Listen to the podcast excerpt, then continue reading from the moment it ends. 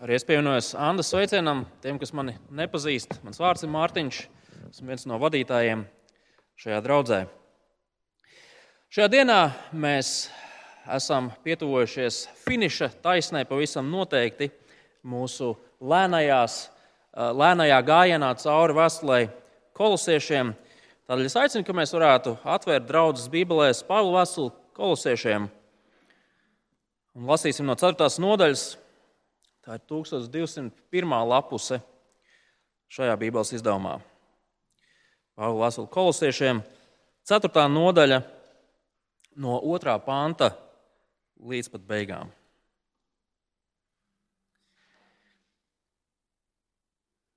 Palieciet vienmēr lūgšanā, nepagurstot pateikties Dievam.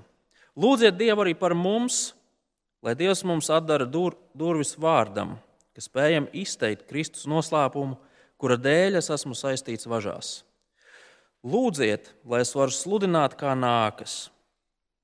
Izturieties gudri pret tiem, kas ārpus draudzes, izmantojiet laiku. Jūsu runa lai vienmēr ir labvēlīga, lai tajā ir sāls, un lai jūs zinātu, kā jums ikvienam jāatbild. Visu, kas attiecas uz mani, jums darīja zinām Tihiks, mīļotais brālis, uzticamais kalps un darba biedrs kungā. Viņu, tādēļ, viņu jau tādēļ es sūtīju pie jums, lai jūs uzzinātu, kas noticis ar mums, un lai viņš uzmundrinātu jūsu sirdis. Viņš ieradīsies kopā ar Onēsimu, uzticamo un mīļoto brāli, kas ir viens no jūsējiem. Viņš jums izstāstīs visu, kas šeit notiek. Jūs sveicināt mans ieslodzījuma biedrs Aristarhs un Bardabas radinieks Marks Par viņu jūs esat saņēmuši norādījumus. Ja viņš pie jums ierodas, uzņemiet viņu. Un arī Jēzus, saukts Jūsts, no jūdiem viņi ir vienīgie, kas pie manis palikuši Dieva valstības darbā. Viņi ir mans mierinājums. Jūs sveicina viens no jūsējiem, Epafrs, Kristus Jēzus kalps, kas vienmēr ir cīnījies par jums savā lūgšanā, lai jūs būtu pilnīgi un pastāvētu savā pārliecībā stingri pēc Dieva gribas. Es apliecinu, ka viņš ir ļoti norūpējies par jums un pārējiem, kas Laudikijā un Hierapolē. Jūs sveicina mīļotais ārsts Lūka un Dēma. Sveiciniet brāļus Laudikijā, Nīmfu un draugu viņas mājā. Kad šī vēstule būs nolasīta pie jums, parūpējieties, lai tā tiktu nolasīta arī Laudikijas draudzē. Un man vēstuli, kas pienāks no Laudikijas, izlasiet arī jūs. Un arhipam sakiet, raugies, lai kalpošanu, ko saņēmi no kunga, tu veiktu līdz galam. Sveiciens rakstīts ar manu Pāvila roku. Atcerieties manas važas. Žēlastība, lai ir ar jums. Tas ir kunga vārds. Amen. Pirms mēs pārdomājam šo vēstules nobeigumu, lūgsim, lai Dievs mums palīdz to saprast. Dievvvārdai teikts, ka zāle nokalst un un ziedi novīst, bet Dieva vārds paliek mūžam.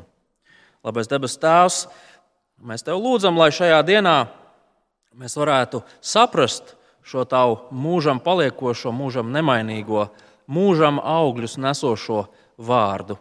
Mēs lūdzam, lai tas maina mūsu domāšanu, mūsu attieksmi, mūsu rīcību.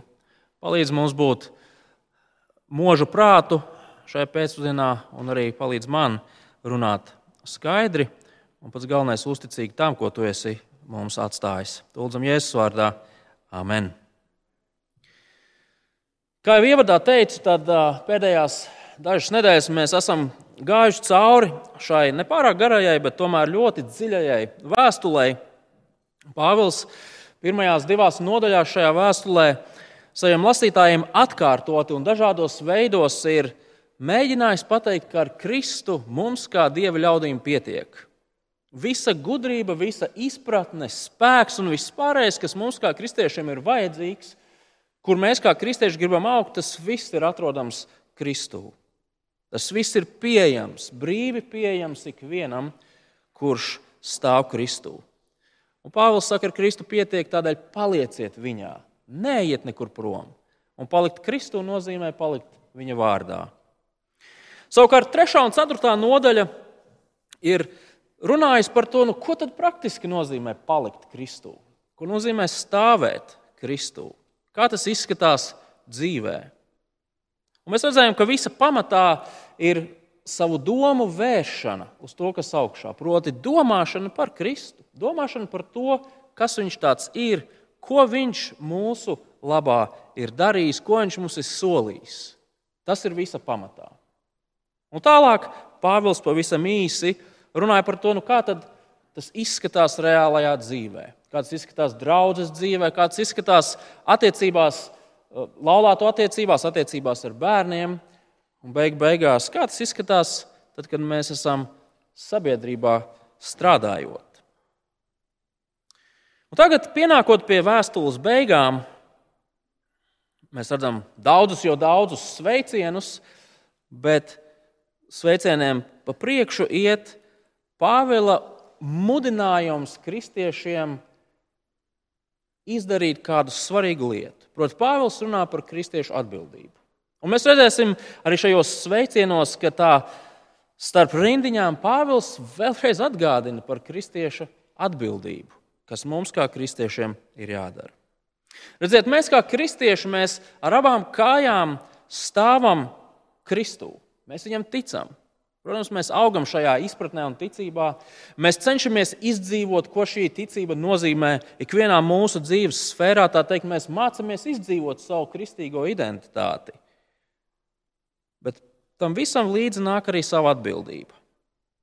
Mēs esam aicināti rūpēties par to, lai Kristus, šī milzīgi varenā radītāja, glābēja, jaunās radības iesācēja un piepildītāja vēsts izskanētu visapkārt.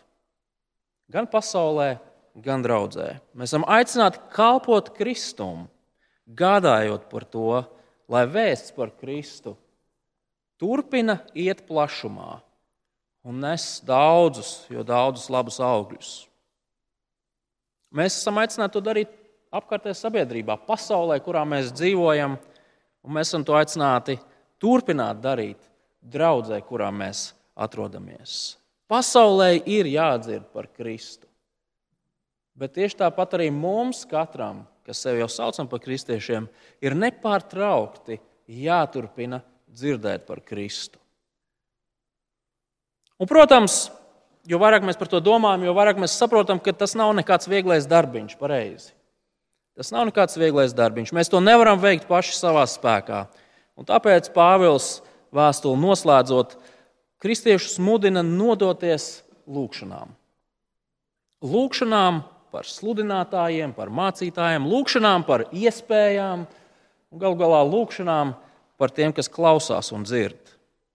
Lūgšanas un Kristus vēsts izteikšana. Lūk, tā ir draudzes kalpošana, kamēr mēs esam šeit uz šīs zemes. Un veicot šo kalpošanu, draudzene augs, nesīs augļus gan plašumā, cilvēkiem dzirdot evaņģēliju un pievienoties draudzēji, gan dziļumā. Kristiešiem ar vien vairāk saprotot, ko nozīmē dzīvot kā dievu ļaudīm. Tad mēģināsim šīs divas monētas puses arī aplūkot draudzes darbu pasaulē, un pēc tam nedaudz īsāk draudzes darbu draudzē. Sāksim ar draudzes darbu pasaulē. To mēs redzam no 2. līdz 6. pantam. Un šajos pantos Pāvils ļoti skaidri pavēl divas lietas. Pirmkārt, viņš pavēl lūgt, un otrkārt, viņš pavēl izturēties, ja dzīvot gudri pasaulē.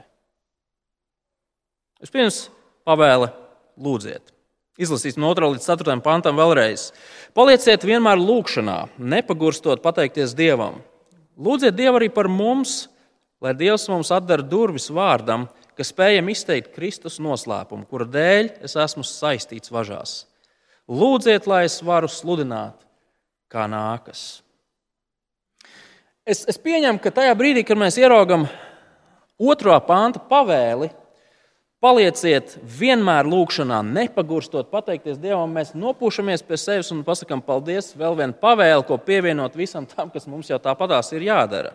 Vienmēr lūgt Dievu, nepagurstoši pateikties Viņam. Tas nav viegli. Taču Pāvila mērķis, izsakot šo pavēli, nav jaunos kolosas kristiešus, tā teikt, ar pirkstu norādīt, ak, jūs, jūs laikam nepietiekami daudz lūdzat. Jūs nepietiekami daudz pateicaties Dievam. Pāvils nevēlas, lai mēs tagad sevi sāktu šausmīt, vai lai mēs sevi, sevi mēģinātu attīstīt kaut kādu atķeksēsim, es esmu lūdzis šodien mentalitāti. Patiesībā Pāvils nemaz nerunā par to, ka mums dienā būtu jāpavada 5, 8, 4 stundas lūkšanā. Nē, runa ir par to, ka mēs savā ikdienā lūdzam. Runa ir par, par attieksmi, runa ir par šo ikdienas dzīves sastāvdaļu. Lūkšana ir kaut kas tāds, ko mēs vienmēr praktizējam savā ikdienā. Tas ir kaut kas tāds, ko mēs gribam darīt ik brīdi, kad ir tāda vajadzība un iespēja. Lūk, par ko Pāvils runā.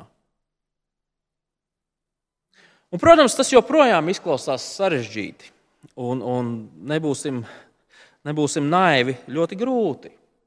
Taču, manuprāt, tas, kā Pāvils nobeidz šo vispārējo pavēli, lūgt vienmēr, iespējams, ir atslēga tam, lai mūsu lūkšana dzīve tomēr mainītos. Pāvils saka, nepagurstot pateikties Dievam. Grieķu valodā šo vārdu nepagurt mēs varētu tulkot, esiet ar atvērtām acīm. Ar atvērtām acīm, nomodā ar atvērtām acīm, pateicoties Dievam. Nododieties lūgšanām ar atvērtām acīm, pateicoties Dievam. Izklausās pēc tādas jocīgas formulas, tūlīt paskaidrošu, ko tas nozīmē. Tad, kad mēs visi saprotam, tajā brīdī, kad cilvēkam acis ir vaļā, prieks redzēt, ka jums visiem acis ir vaļā, tad, tad, tad mēs redzam apkārtējo pasauli. Mēs redzam citus cilvēkus, mēs redzam to, kur mēs dzīvojam, kur mēs sēžam, tas tā kā būtu skaidrs. Taču līdzās mūsu fiziskajām acīm mums ir arī garīgās acis. Un, ja garīgās acis ir atvērtas, mēs spējam redzēt pasauli tādu, kāda tā ir. Mēs redzam Dievu tādu, kāds Viņš ir. Mēs redzam to, ko Viņš dara mūsu pasaulē. Mēs redzam paši sevi tādus, kādi mēs esam. Mēs redzam līdzcilvēkus un visu pārējo. Mēs redzam to, ko Dievs ir Kristū darījis. Mēs redzam to, nu, gluži neredzam, bet, bet esam pārliecināti par to, ko Kristus mums ir solījis. Un tieši tas ir tas, ko Pāvils vēlas, lai kristieši darītu. Tad, kad mēs lūdzam, mēs nedrīkstam aizvērt savus garīgās acis. Mēs nedrīkstam iemigt. Mēs nedrīkstam nolaist skatienu no tā, kas mēs Kristus dēļ esam. Kas ir tas, ko Kristus dara mūsu dzīvē, kas ir tas, ko Kristus mums ir apsolījis dot? Mēs nedrīkstam aizmirst to, kas mēs esam un kas mēs būsim. Un, un, un Pāvils principā pavēl kristiešus lūgt, neatlaidīgi lūgt. Lūkšanu padarīt par savu ikdienas sastāvdaļu, jo Dievs ir piedevis mūsu grēkus. Jo Dievs mūs ir izrāvis no tumšās postam nolemtās pasaules. Jo Dievs mums ir apsolījis drošu nākotnes cerību. Jo Dievs mums ir jau devis jaunu identitāti, jaunu dzīvību, kas ar nāvi nebeigsies. Draugi, un šāda perspektīva, Pāvila prāta, ir kaut kas tāds, kas maina mūsu lūgšanu dzīvi.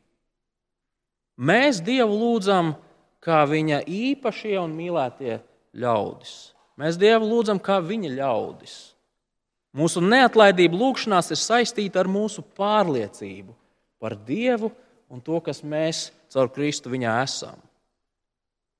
Un taisnība ir tāda, jo miegaināki mēs esam par to, par šīm grandiozajām patiesībām, jo miegainākas būs mūsu lūgšanas pareizi jo automātiskākas viņas būs, jo ķeksīšu veidīgākas viņas būs, jo neregulārākas viņas būs, jo sarakstam līdzīgākas viņas būs.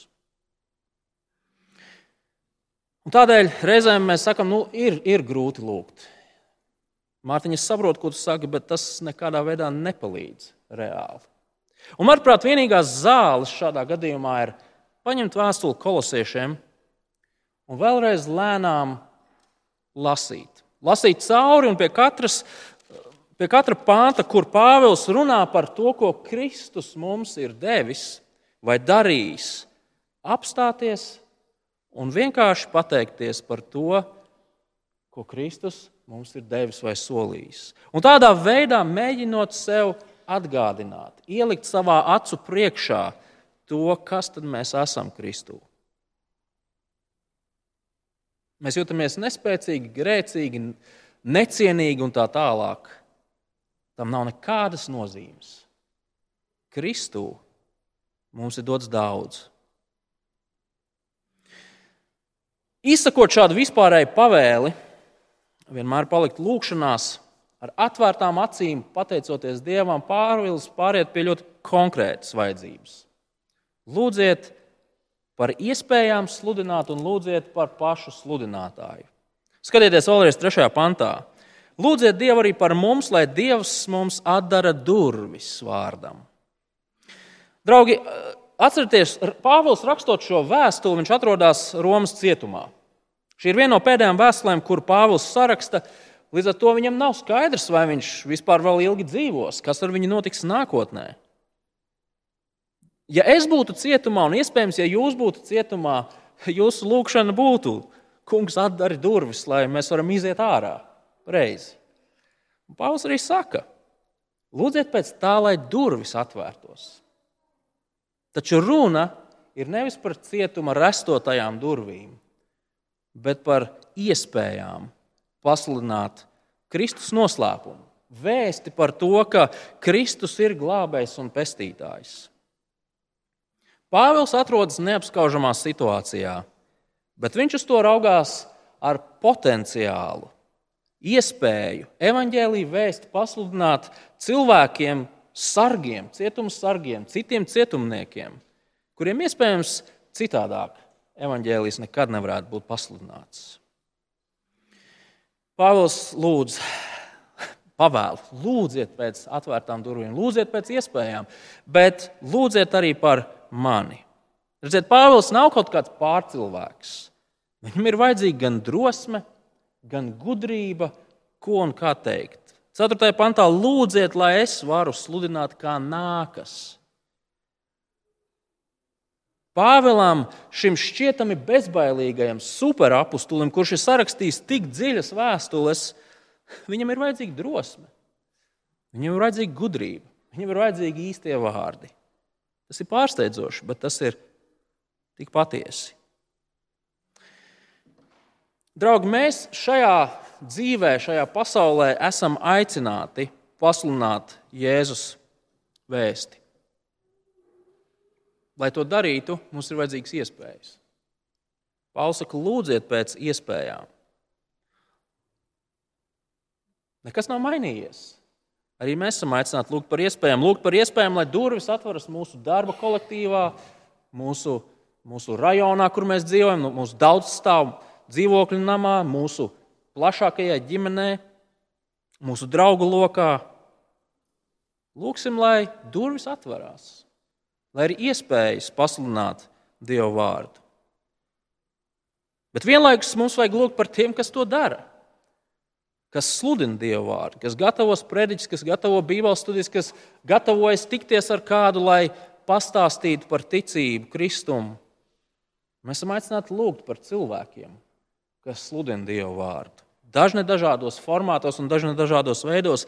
Draugi, arī mums, kā šīs draudzes vadītājiem, ir izmisīgi vajadzīgas jūsu lūgšanas. Kad mēs domājam par pasludināšanas darbu, mēs ilgojamies pēc jūsu lūgšanām. Lūksim, lūksim vairāk. Un nevis tādēļ, ka 9. maijā Mārtiņš vēlreiz visiem lika aiz auss lūgt, nu, tad jau jāsaņemās un jālūdz, bet tādēļ, ka atverot acis un ieraugot to, kas mēs esam, mēs ar prieku un pateicību gribam lūgt. Vairosim sevi šādu motivāciju. Atcerēsimies visu to, ko Dievs mums ir devis. Atcerēsimies visu to, ko Dievs mums ir solījis. Un lai prieks un pateicība par to visu būtu tas dzinulis, kas mūs mudina lūgt, lai arvien vairāk iespējas būtu cilvēkiem dzirdēt, Un lai ar vien drosmīgāk un gudrāk tie, kas sludina, varētu sludināt, lai cilvēki varētu dzirdēt vēstu par Kristus evaņģēlīju. Lūksim par iespējām, lūksim par tiem, kas sludina. Taču Pāvils, Pāvils neuzskata, ka šis darbs ir domāts tikai un vienīgi apstuļiem un, un skolotājiem, mācītājiem. Nē, šis ir uzdevums, kurā mēs visi esam iesaistīti. Un tas ir tas, ko mēs redzam tālāk. No 5. līdz 6. pantam.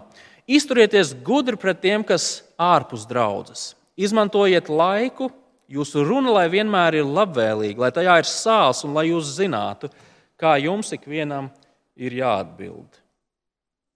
Bez pavēles lūgt, Pāvils pavēl dzīvot gudri, izturēties gudri šajā pasaulē. Kristietis ir cilvēks, kurš ir aicināts dzīvot saskaņā ar Dievu prātu.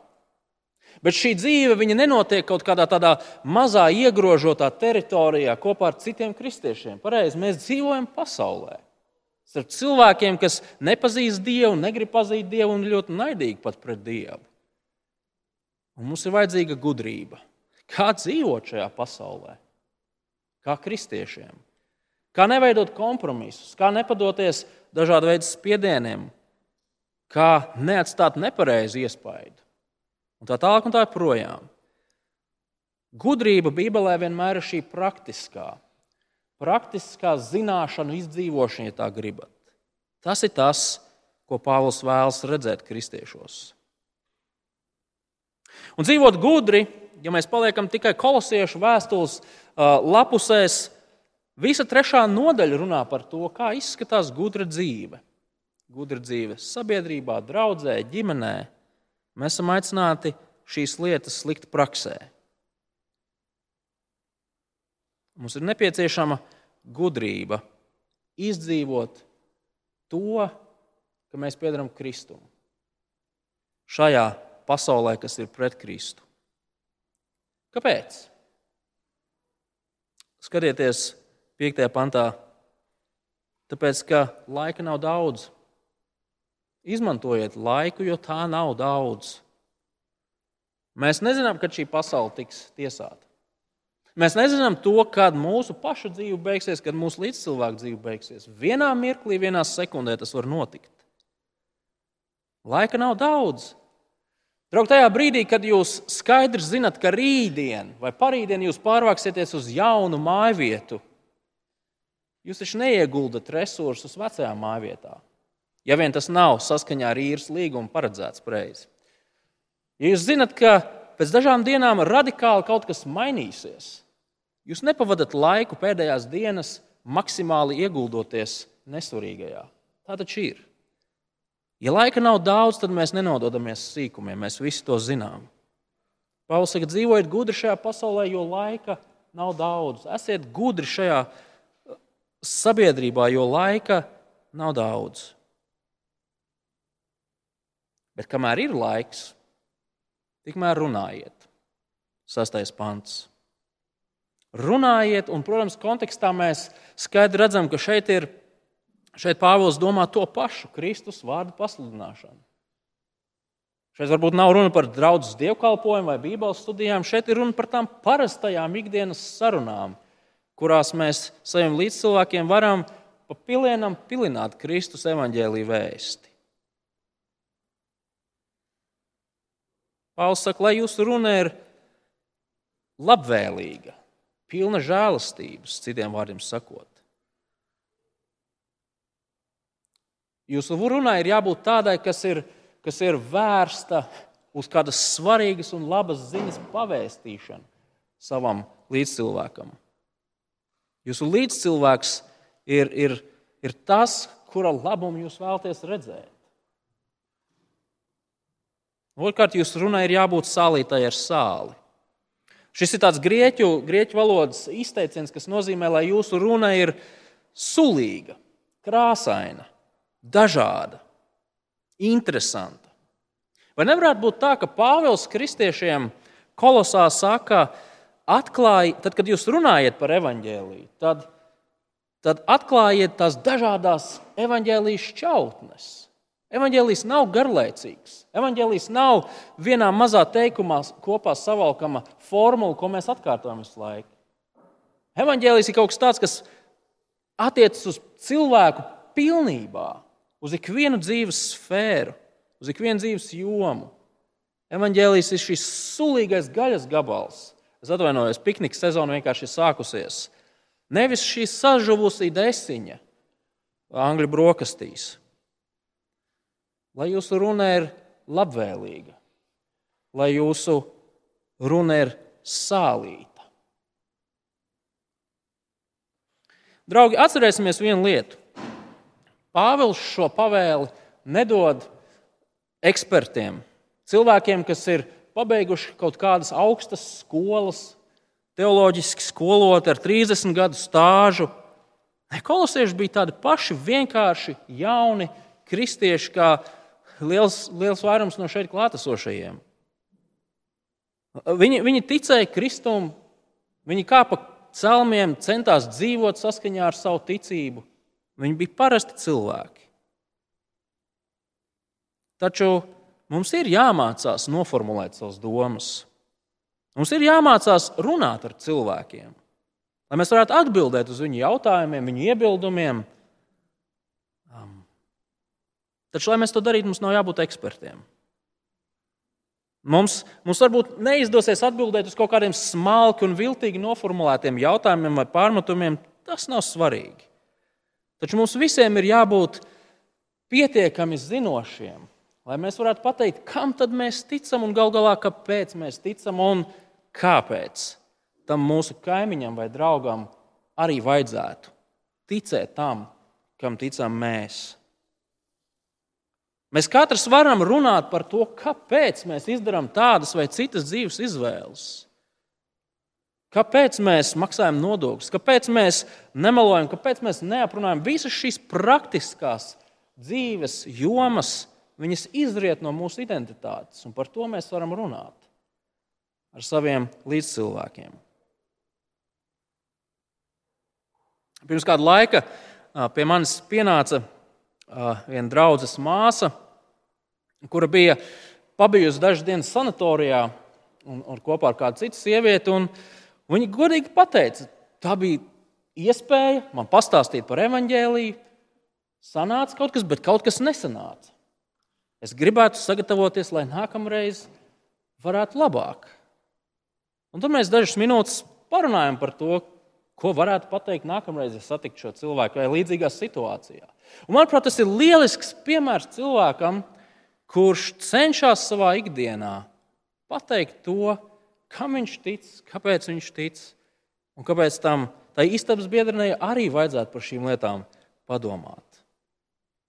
Šī draudzes māsa, nav eksperts, viņa nav teoloģijas students. Viņa ir kristietis, kas cenšas saprast Dievu vārdu, kas cenšas dzīvot saskaņā ar Dievu vārdu.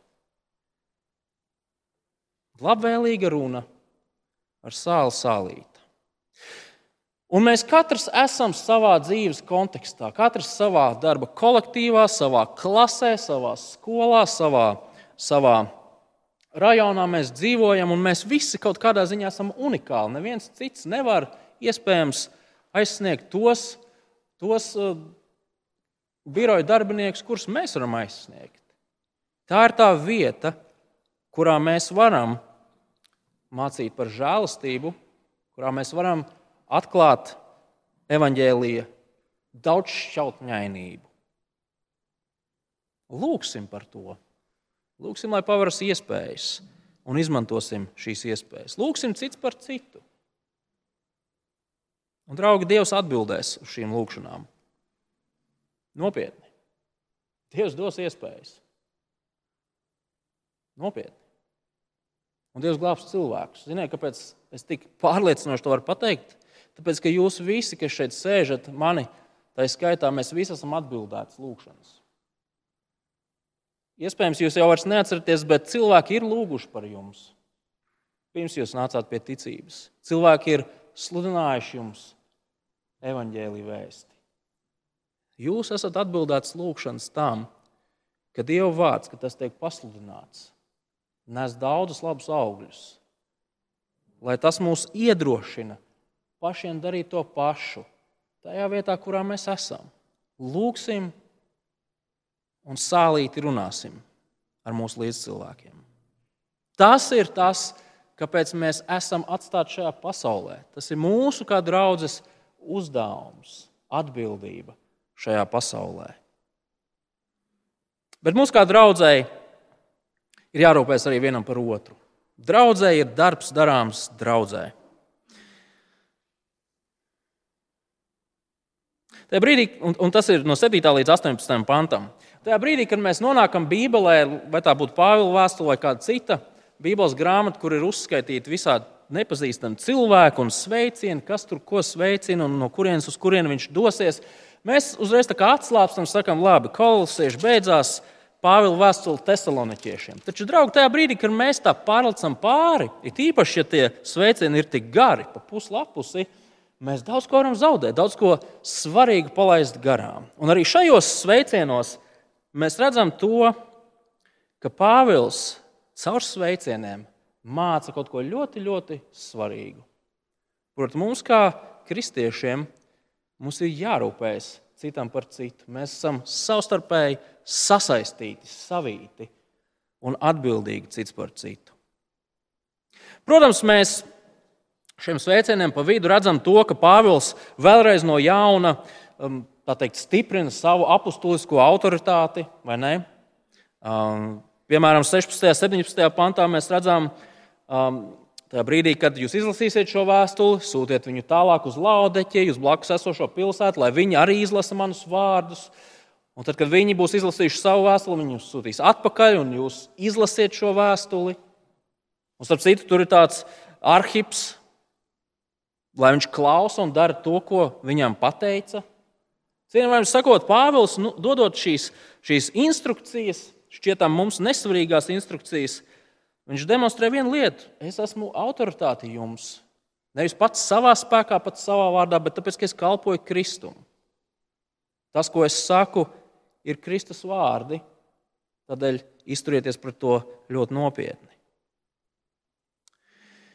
Taču bez Pāvila apstuļa autoritātes, tā teikt, vēlreizējas nostiprināšanas, mēs šajos sveicienos īstenībā redzam draugu darbībā.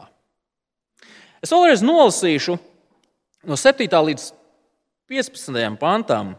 Jūs vienkārši ieklausieties to, kādi šie cilvēki tiek pieminēti un kas gal galā ir tas, ko viņi dara. Labi?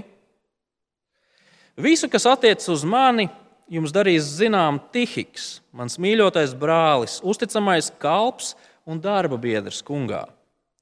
Viņu jau tādēļ es sūtīju pie jums, lai jūs zinātu, kas noticis ar mums un lai viņš uzmundrinātu jūsu sirdis. Viņš ieradīsies kopā ar Onēsimu, uzticamo un mīļoto brāli, kas ir viens no jūsējiem. Viņi jums izstāstīs visu, kas šeit notiek. Jūs sveicina mans ieslodzījuma biedrs Aristarhs un Bārnabas radinieks Marks. Par viņu jūs esat saņēmuši norādījumus, ja viņš pie jums ierodas, uzņemiet viņu. Un arī Jēzus, saukts Jūsts, No jūdiem viņi ir vienīgie. Eh, viņi vienīgi ir man palīgi Dieva valstības darbā. Viņi ir mans mierinājums. Jūs sveicina viens no jūsējiem, Epafrs, Kristus Jēzus kalps, kas vienmēr ir cīnījies par jums savā lūgšanās, lai jūs būtu pilnīgi un pastāvētu savā pārliecībā, stingri pēc Dieva gribas. Es apliecinu, ka viņš ir ļoti norūpējies par jums un pārējiem, kas Laudiķijā un Hieropolē. Jūs sveicina mīļotais ārsts Lūka un Dēma. Sveiciniet brāļus Laudekējā, nimfu un draugu viņas namā. Mēs tikpat kā neko nezinām ne par vienu no šiem cilvēkiem. Mēs zinām dažas lietas, bet neko vairāk. Taču mēs redzam, ka viņi ir savā starpā saistīti. Mēs redzam jūdus, mēs redzam grieķus, mēs redzam kolosas draugus kristiešus, un mēs redzam citus kristiešus, kuriem rūp kolosas draugus kristieši. Mēs redzam Tihiku, kurš, kuru Pāvils sūta kopā ar Onesimu aiznest šo vēstuli kolosas draugus kristiešiem, bet viņu mērķis ir pastāstot par Pāvilu un viņa dzīvi, viņa, viņa lietām, stiprināt un, un iedrošināt kolosiešu kristiešu sirdi. Pāvils sūta sveicienus no saviem darba biedriem, Aris, Aristarha un Marka.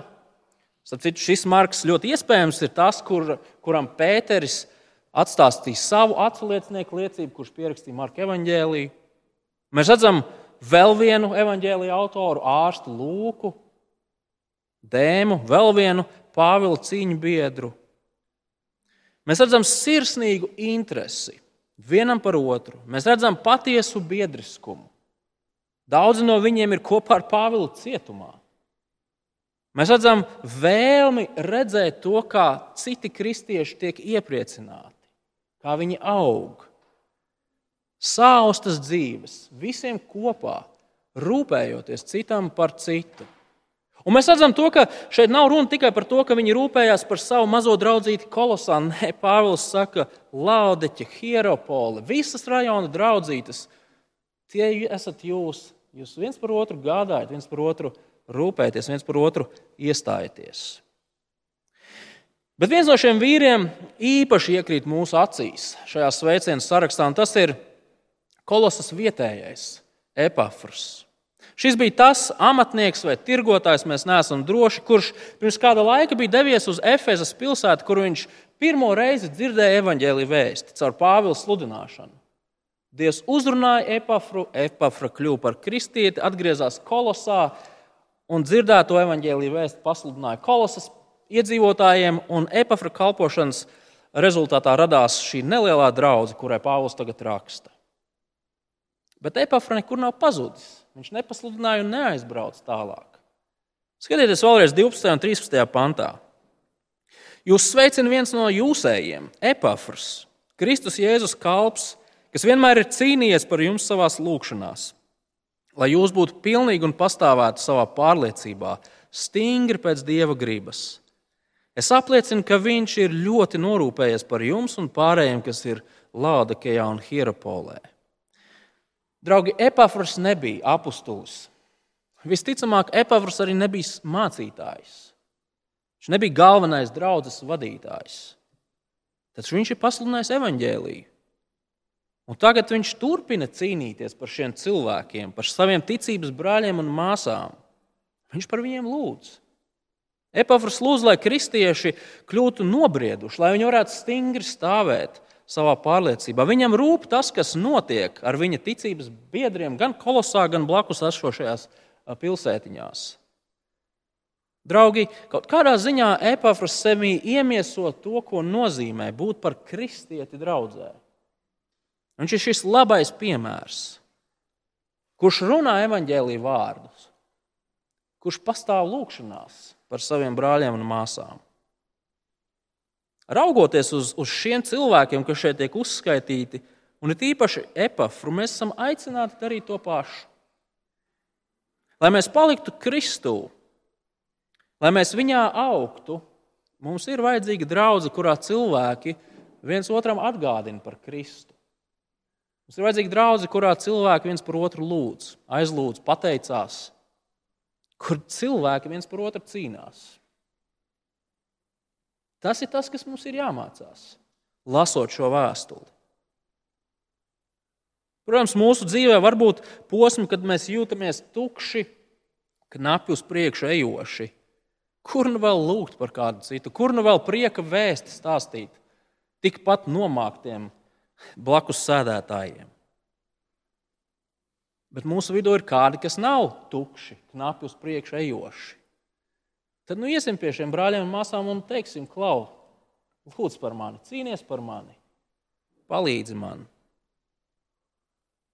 Un man ir prieks dzirdēt, ka mūsu draudzē, ir īpaši šajā pandēmijas laikā, ir izveidoti tādi dotiņi vai trijo, kur cilvēki sanāk kopā vai sazvanās, regulāri sazvanās vai sanāk kopā ārā. Un viens par otru aizlūdz, viens otru pieskata, viens par otru gādā.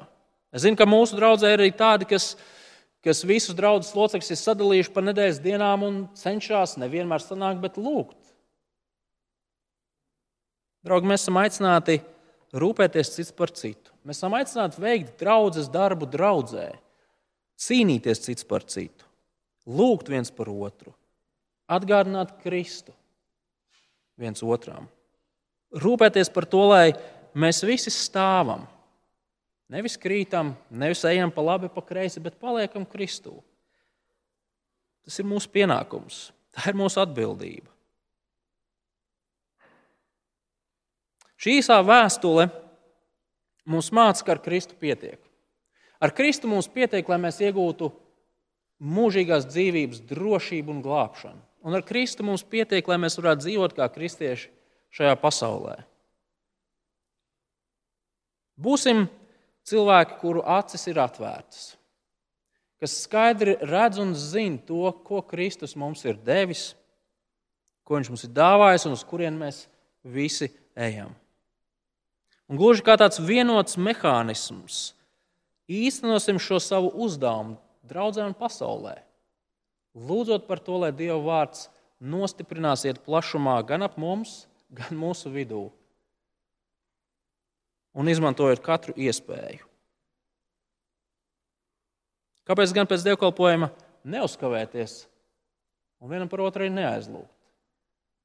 Lai Dievs dod spēku stāvēt Kristū lai Dievs paver iespējas, durvis pasludināt par Kristu kādiem mūsu līdzcilvēkiem. Lūksim Dievu!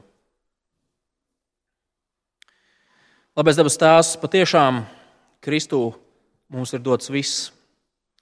Mēs Kristū tiekam saukti par tavējiem, mēs Kristū esam iecelti tava dēla godības pilnajā valstībā. Mēs esam brīvi no lāsta, kas nāk par grēku. Mēs esam brīvi no nāves, kas sagaida ikvienu bezdievi. Un tad mēs lūdzam, lai šī, šī brīnišķīga evaņģēlīja vēsts mums dod spēku turpināt stāvēt savā ticībā, turpināt dzīvot kā kristiešiem. Tās mēs lūdzam, lai mums būtu drosme un gudrība izdzīvot savu ticību šajā pasaulē. Tās mēs lūdzam, lai mums būtu arī drosme un gudrība to darīt kopā, draudzē. Tās mēs īpaši aizlūdzam par tiem, kas mūsu vidū cīnās ar kādām lietām, kuriem ir šaubas vai ticības, ticības krīze. Tēvs palīdz tu viņiem, bet dod, ka arī mēs pārējie varētu nākt tālāk.